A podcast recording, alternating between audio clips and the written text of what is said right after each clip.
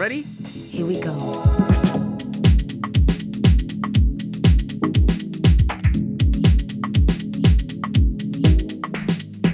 Hej! Välkommen med till Hantera dina fyrk. Här pratar vi om pengar och ekonomi. med teman som är relevanta för oss alla. Jag heter Ronja. Och jag heter Ida. Och dessutom har vi med oss olika experter då vi diskuterar. Välkomna med. Välkommen med till Hantera dina fyrk. Idag sitter vi i studion med Ida Hejsan! och Björn. Morgens. Idag ska vi snacka lite om att spara pengar när det kommer till bostad och lite om lån när det kommer till bostad. Och det här tror jag är ett sådant ämne som ofta är på tapeten för att det där egna hemmet är ju för många det största vi köper och ofta också den viktigaste platsen för oss alla. Så här finns liksom mycket känslor och, och det där, eh, saker inblandat i ett ämne. Det, det låter jättebekant det där beskrivningen av, av hela fenomenet. Vad heter det? Jag kan tänka mig att en stor del av när det handlar om att jobba på bank för de flesta människor så är kanske det första man just tänker på ett bostadslån eller lån för bostad. Men om vi backar lite bakåt och funderar att vad är egentligen ett lån i, i praktiken och vem kan få ett lån? Både i praktiken och teorin så kan vem som helst få ett lån. Men det finns vissa förutsättningar på dig och hur du har skött om din ekonomi som, som måste uppfyllas för att banken ska och vill bevilja ett lån åt dig. Det, det är hur man kan få ett lån. Ett lån i sig så betyder alltså att du har ett behov för pengar. Du ska oftast köpa någonting. Och du har inte hela summan själv, så det betyder att du måste få lite mera pengar någon annanstans ifrån för att, för att kunna köpa objektet. Och där så kommer banken ganska naturligt in i bilden.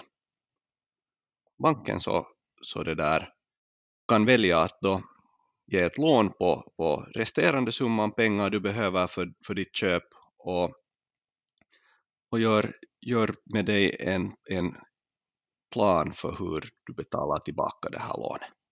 Och sen går tiden vidare, du köper det du ska köpa och är glad och, och så sakta men säkert betalar du tillbaka lånet och så är alla glada och nöjda till slut. Och när man pratar om lån överlag så pratar man ju ofta om att när du går och låneförhandlar, vilket ju är den där själva processen, när du då vill ha ett lån så måste du gå till banken och snacka om den här saken, så då är det ju jättebra att ha koll på sin privatekonomi och, och, och veta sina siffror. Har du något tips på vilka siffror man ska ha speciellt bra koll på när man går till banken? Vad får man ofta svara på för frågor? Inkomster och utgifter. Det är helt det, du, det går inte att undvika. Ingen skillnad gäller det lån eller vad som helst i ekonomi. Så har du inte koll på dem så ta, ta kontroll över det. Det är jättebrutalt sen när man börjar titta igenom från sin nätbank eller mobilbank eller, eller någon betalningsapp att exakt varenda betalning man har gjort till exempel under de tre senaste månaderna så börjar man räkna ihop det. Det är hojsigt. finns, det, finns det några andra sådana kriterier då, förutom det att din privatekonomi behöver klara av det där lånet, så här stresstest? Finns det några andra krav på eller kriterier för att få ett lån? Finns det någonting med ålder eller något sånt? Uh, no, egentligen så, så ja, man måste vara myndig. Man måste vara 18 år för att, för att få ett, ett bostadslån till exempel. Men studielån så kan man få redan, redan före man fyller 18 också. Att det beror lite på vad, vad lånet är och vad ändamålet är. Men om vi nu koncentrerar oss på bostadslån så finns det i princip fyra stycken grundpelare som måste uppfyllas. Uh, man får, ett, ett är det att man får inte ha betalningsstörningar. En annan punkt så är det att man måste ha inkomster i proportion till mängden lån man söker. Och det är helt enkelt så att man kan betala tillbaka lån. Uh, tredje punkten är den att man måste ha tillräckligt med egna besparingar för det man köper. Så att man inte söker oproportionerligt mycket lån. Och om man söker för mycket lån i proportion till det man köper, att om, om säg att jag skulle vilja ha en ny bostad och jag skulle vilja att banken betalar hela priset på det, så då blir det jätteohållbart i min egen ekonomi. Och det andra är det att bankerna inte ens, myndigheterna har begränsningar på hur mycket lån banken får ge ut också i proportion till priset på vad du ska köpa. Så det, det är till och med reglerat. Och fjärde och sista punkten som är, är liksom hugget i sten så är det att, att man måste ha realsäkerheter som trygghet för lånet. Och realsäkerhet så betyder att det måste finnas någonting konkret av värde som motsvarar lånets summa. Och i vanligaste fallen så, och det är det exempel som vi här nu diskuterar om, så handlar det om bostadslån. Så då är det alltså bostaden man köper som kommer att fungera som säkerhet för det här lånet. Så de fyra punkterna, om, om de uppfylls så då är det bara att tuta och köra. Allting går bra. Okej, no, vad kostar det då att låna pengar från banken? Nå, de vanligaste kostnaderna eh, när det gäller, gäller lån, bostadslån, brukslån, placeringslån och så vidare, så är, är det där eh, själva eh, avgiften på lånet, alltså det är en engångsavgift, det varierar jättemycket mellan, mellan olika lån, storleken, användningsändamål och så vidare, men det kan, vi talar om någon hundralapp, några hundralappar. Det kan till och med kosta upp till 1000, 1000 2, 3, 4, 500 euro om, om vi talar om riktigt stora och riskfyllda lån, svåra lån att göra helt enkelt för banken. Ännu, ännu vanligare så är att tala om ränta. Och ränta i sig så är alltså, fritt översatt så ränta är priset på pengar. Alla betalar ränta på alla pengar, det finns ingenting som gratispengar. Banken betalar ränta på de pengar som banken själv har till centralbankerna och banken betalar också ränta på, på olika konton till exempel som du har i banken och du betalar ränta på de pengar som du lånar av banken. Så ränta existerar överallt. Men, men lånets ränta så är ju en av de största utgifterna under lånetiden och, och det är därför man ska vara ytterst noggrann gällande vad den är och vad den innehåller. Sen har ju också ordet marginal är ju någonting som ofta kommer upp. Vill du öppna upp det ordet också? För jag tror att det är många som sitter och funderar. Man ofta på internet läser att vad fick ni för marginal? Och så jämför man, jämför man sina siffror sinsemellan. Ja, no, totalräntan för ett lån så den, den består av två delar. Det, det kallas referensränta och marginal. Om vi börjar med referensräntan, för den är, den är kanske lättare att förstå, den är mera liksom standard. Så referensränta, eh, ett annat ord för det är kanske styrräntan. Och det är just det här allmänna ränteläget i ekonomin som bedöm, bestämmer att vad, vad är nivån för tillfället på räntorna. Och det som vanligast används i bostadslån för tillfället så är Euribor 12 månaders ränta. Det betyder alltså euro, euroområdets styrränta som bedöm, bedöms, bestäms, heter det, euroområdets ränta som bestäms med 12 månaders mellanrum. Och nu så lever vi i ett ytterst lågt ränteläge. Styrräntan är till och med negativ. Det har aldrig varit så billigt att ta lån som det är just nu. Och det är också en risk för att man måste komma ihåg att om det nu är liksom all time low så då är sannolikheten det att det någon dag kommer att vara högre. Okej, sen har vi det andra, andra som hörde till den här totalräntan och det är då marginalen. Och marginalen så kan vi säga att är ett pris på den risk som banken tar för att låna pengar åt dig.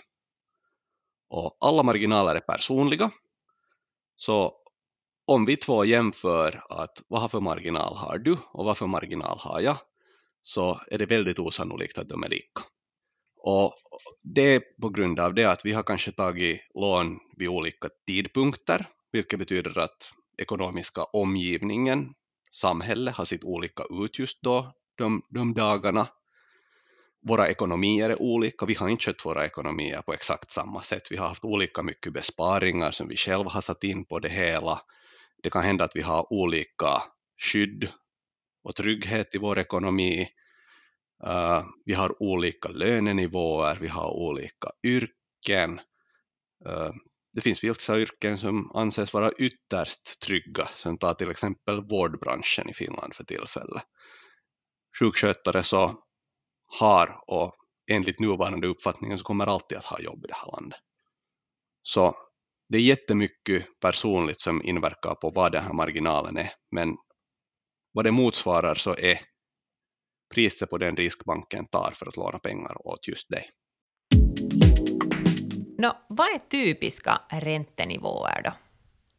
Nå, om vi tittar på, på styrräntan och det, det är den som kanske visar just trenderna i ekonomin och så vidare, så, så vi har sett jättestora variationer under den tiden som jag själv också har varit, varit vuxen om vi säger så. Vi har alla hört, hört till exempel så har mina föräldrar berättat åt mig om, om 90-talets lama i Finland och så vidare och räntorna var då skyhöga. Att det kunde finnas 12, 13, 14, till och med 15, 16, 17 procents ränta på lån. Och idag så är typiska räntor på bostadslån kring 1 procent, under 1 procent. Så man måste förstå att den här variationen är jättestor. Och om vi tänker att vi idag lyfter ett bostadslån som, som ett, ett 25 år långt lån, återbetalningstiden 25 år, så på de senaste 25 åren så har räntorna gått från att vara liksom 16-17 procent till att idag vara under 1 procent. Så om vi idag lyfter ett lån för 25 år framåt, så nu betyder det ju att vi måste ha en ganska bra flexibilitet och buffert så att säga i vår ekonomi för att kunna klara det som framtiden möjligtvis hämtar med sig. Och det finns tyvärr ingen kristallkula som kan säga att om man gör så här så då är man safe för allt.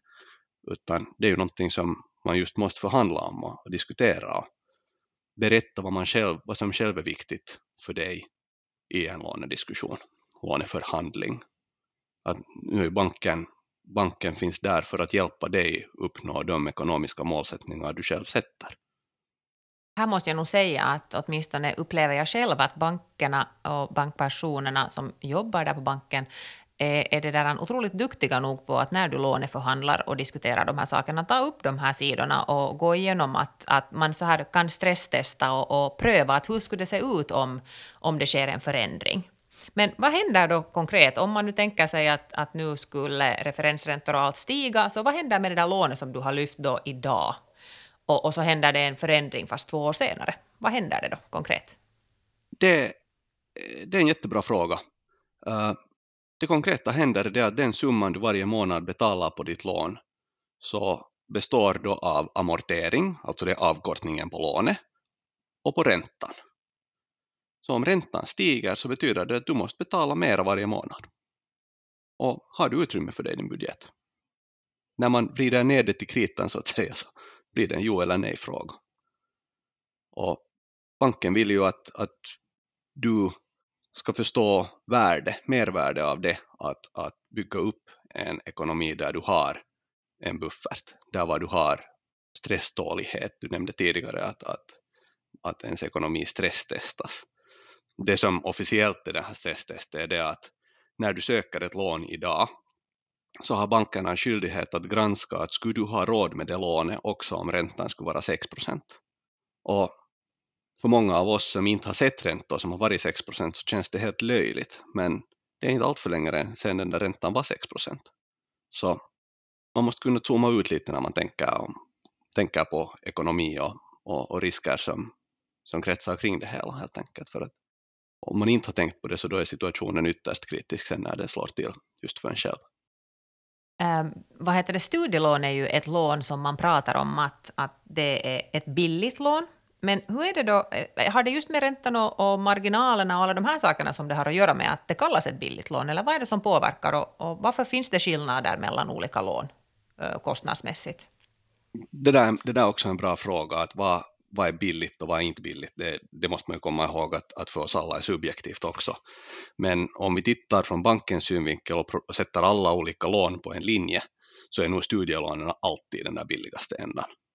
Och det är av den orsaken av att det är standardiserat. Staten stöder det helt som ett system.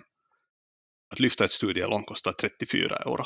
Att lyfta ett bostadslån som vi talar så det kostar 100 lappar om inte till och med 1000 euro skötselkostnaderna på månad för ett studielån så är klart lägre än skötselkostnaderna per månad för ett bostadslån.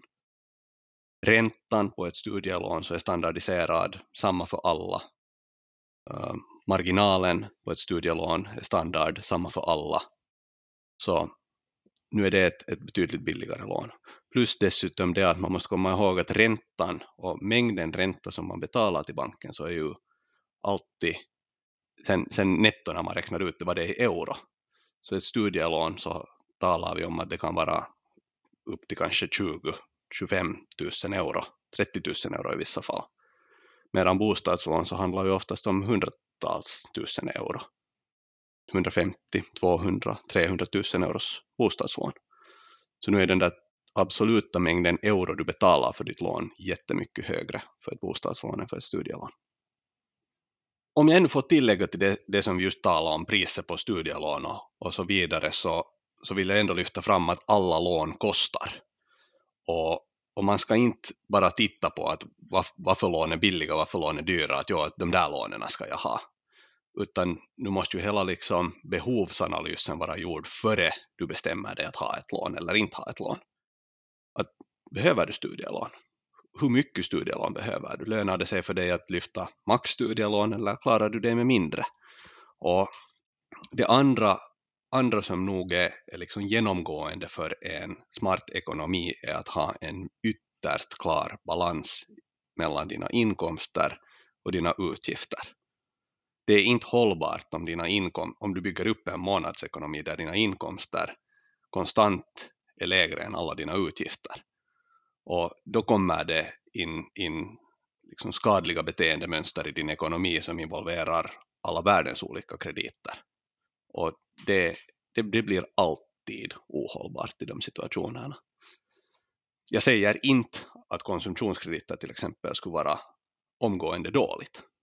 Men om du inte är ytterst medveten om när du ska ta en sån och vad ändamålet klart är, så har vi ju sett att, att den där tröskeln blir lägre och lägre att bara konstatera att nej men den där resan vill jag nog fara på, den, den, den tar jag på en sån där kredit då. Nu skulle det vara kiva med nya nya det där skidbyxor också, så att vi tar, vi tar det också på lite kredit. Då. Sen till slut så har du en okontrollerbart stor mängd olika krediter och det, det träsket önskar jag nog att ingen, ingen det där skulle ens titta åt det hållet.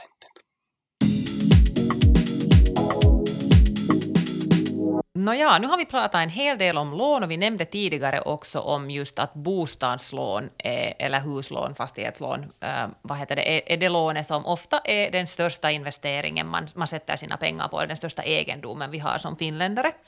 Och det, där, eh, det kan ju kännas som ett ganska stort berg att klättra över när man går in på, på fast Etuovi och kollar på, på bostadspriser eller huspriser och och det där, någonstans måste man ju börja. Och, och det finns ju fantastiska sätt i Finland som förstagångsköpare stöds för att kunna köpa sin först, sitt första hem. Kan du berätta lite mer om det här, hör du Björn?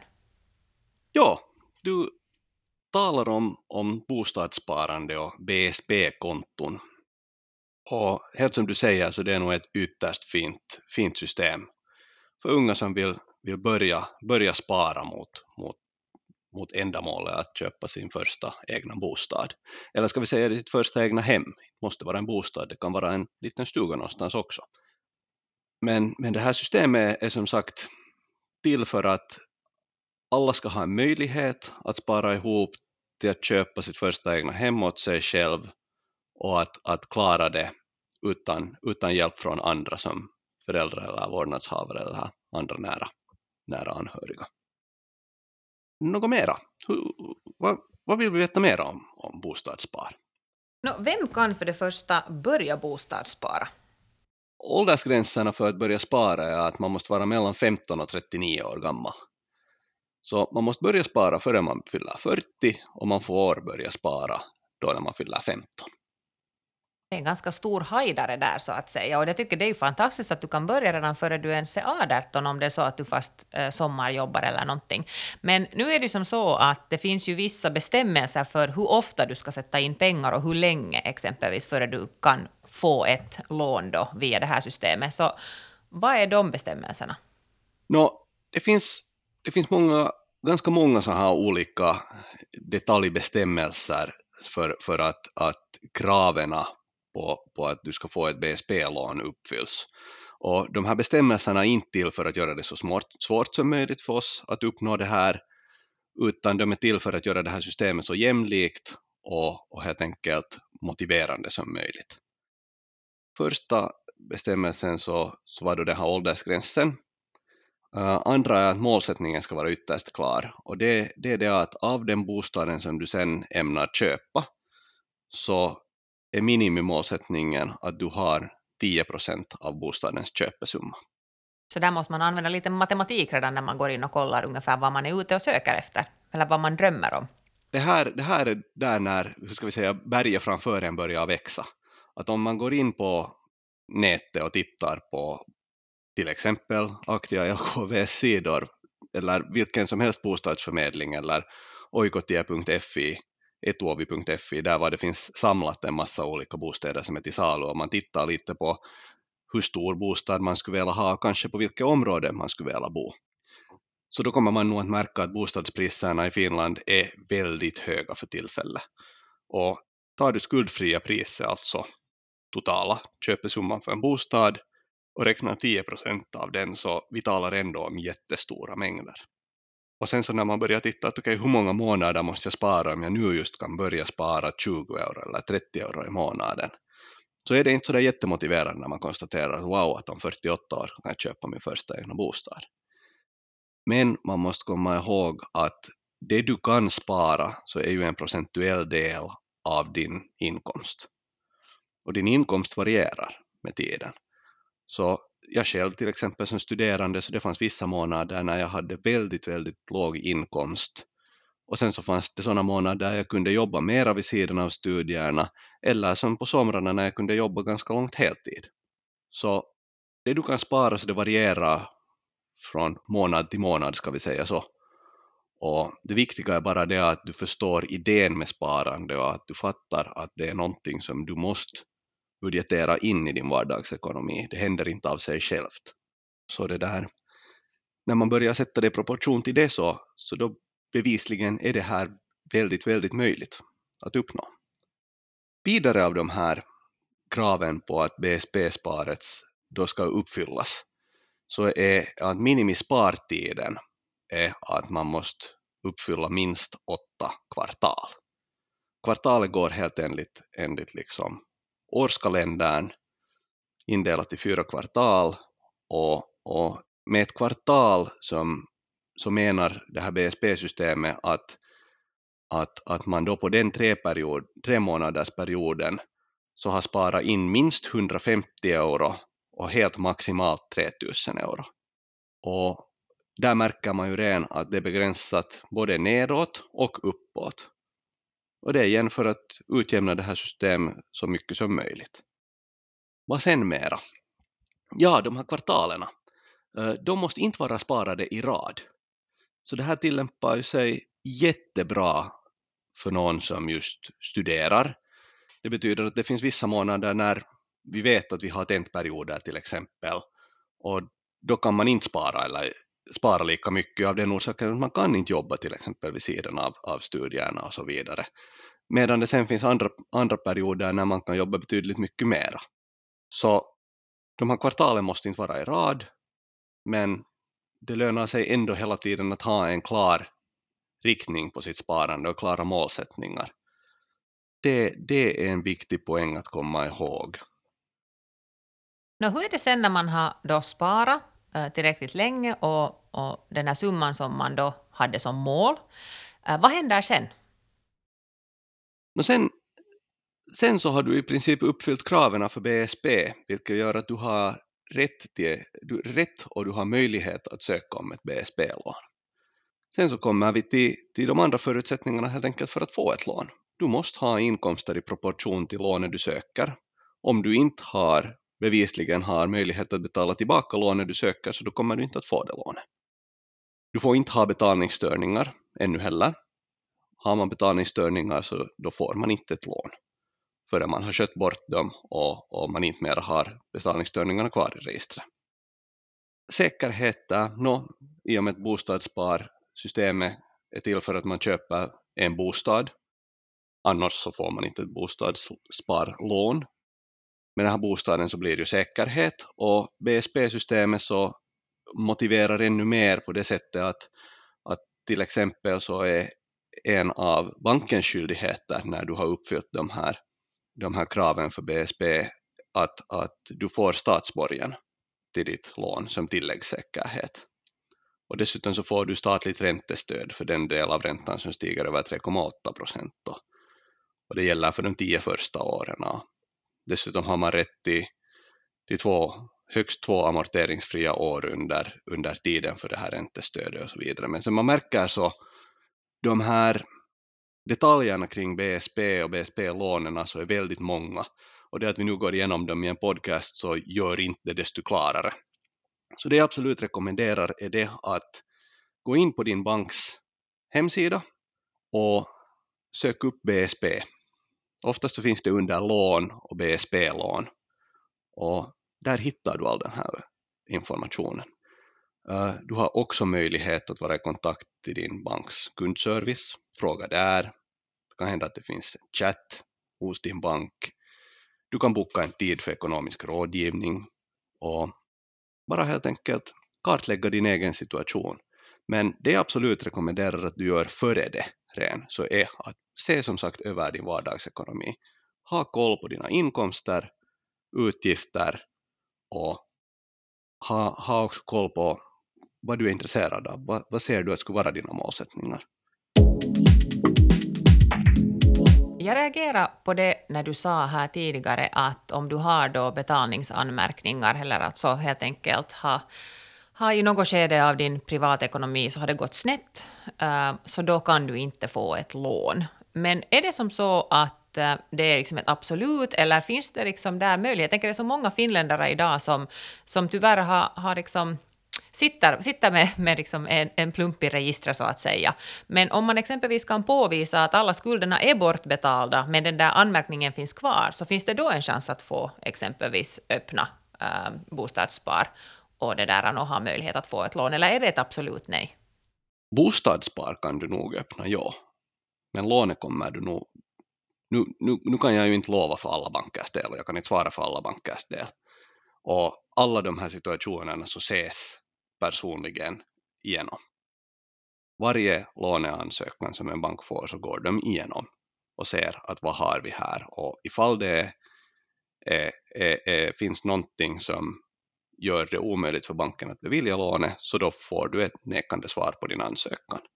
Men om det är någonting som är oklart så då kommer du också att bli frågan om, om, be, be, frågad om, om tilläggsuppgifter. Att, eh, det, det, är jättesvårt att säga att vad som är absolut jo och vad som är absolut nej. Men om du har betalat bort, ska vi säga åt andra hållet, om du har betalat bort alla dina skulder som har, som har orsakat din betalningsstörning, så då kan du också ansöka om att få den där anmärkningen bort från registret. Vissa anmärkningar så är lagstadgade att de ska finnas i registret en viss tid, efter, också efter det att, att, att skulderna är bortbetalda. Och under den perioden som du har den där anmärkningen där så är det ytterst svårt för dig att, att få något som helst lån. Lärdomen i det hela är det att se till att du inte får betalningsstörningar, betalningsanmärkningar. Och det gör du genom att se till att du har koll på dina inkomster och utgifter. Och att du också har en buffer i din vardagsekonomi som, som tryggar dig för överraskningar. Alltså, jag måste säga som så att som finländare är jag otroligt stolt över att vi har det här bostadssparpremiesystemet där man har möjlighet att, eh, att faktiskt få den där egna bostaden och, och att vi har Eh, har, har liksom jämlika möjligheter i det här landet. Och det är unikt och det är någonting vi alla ska ta vara på. Så att om man sitter där och funderar att, att det egna hemmet är någonting jag drömmer om att äga, så ska man inte, inte vänta utan ta kontakt med banken och utreda sina egna möjligheter med den banken som, som står dig nära eller som du har då valt bland alla banker som finns. Men hörni, tusen tack för än en intressant diskussion. Eh, jag tror att vi har svarat hörni, på de flesta frågorna som, som säkerligen är de som kommer upp när man funderar på lån och, och bostad och så vidare. Tusen tack Björn för att du deltog Och det där, an, tack för oss. Tack. Tack, tack. Den här podden produceras av Finlandssvenska ungdomsförbund i samarbete med oss från Etosova Spara. För mera info, gå in och kolla webbsidan fsu.fi fyrk och följ oss på Instagram.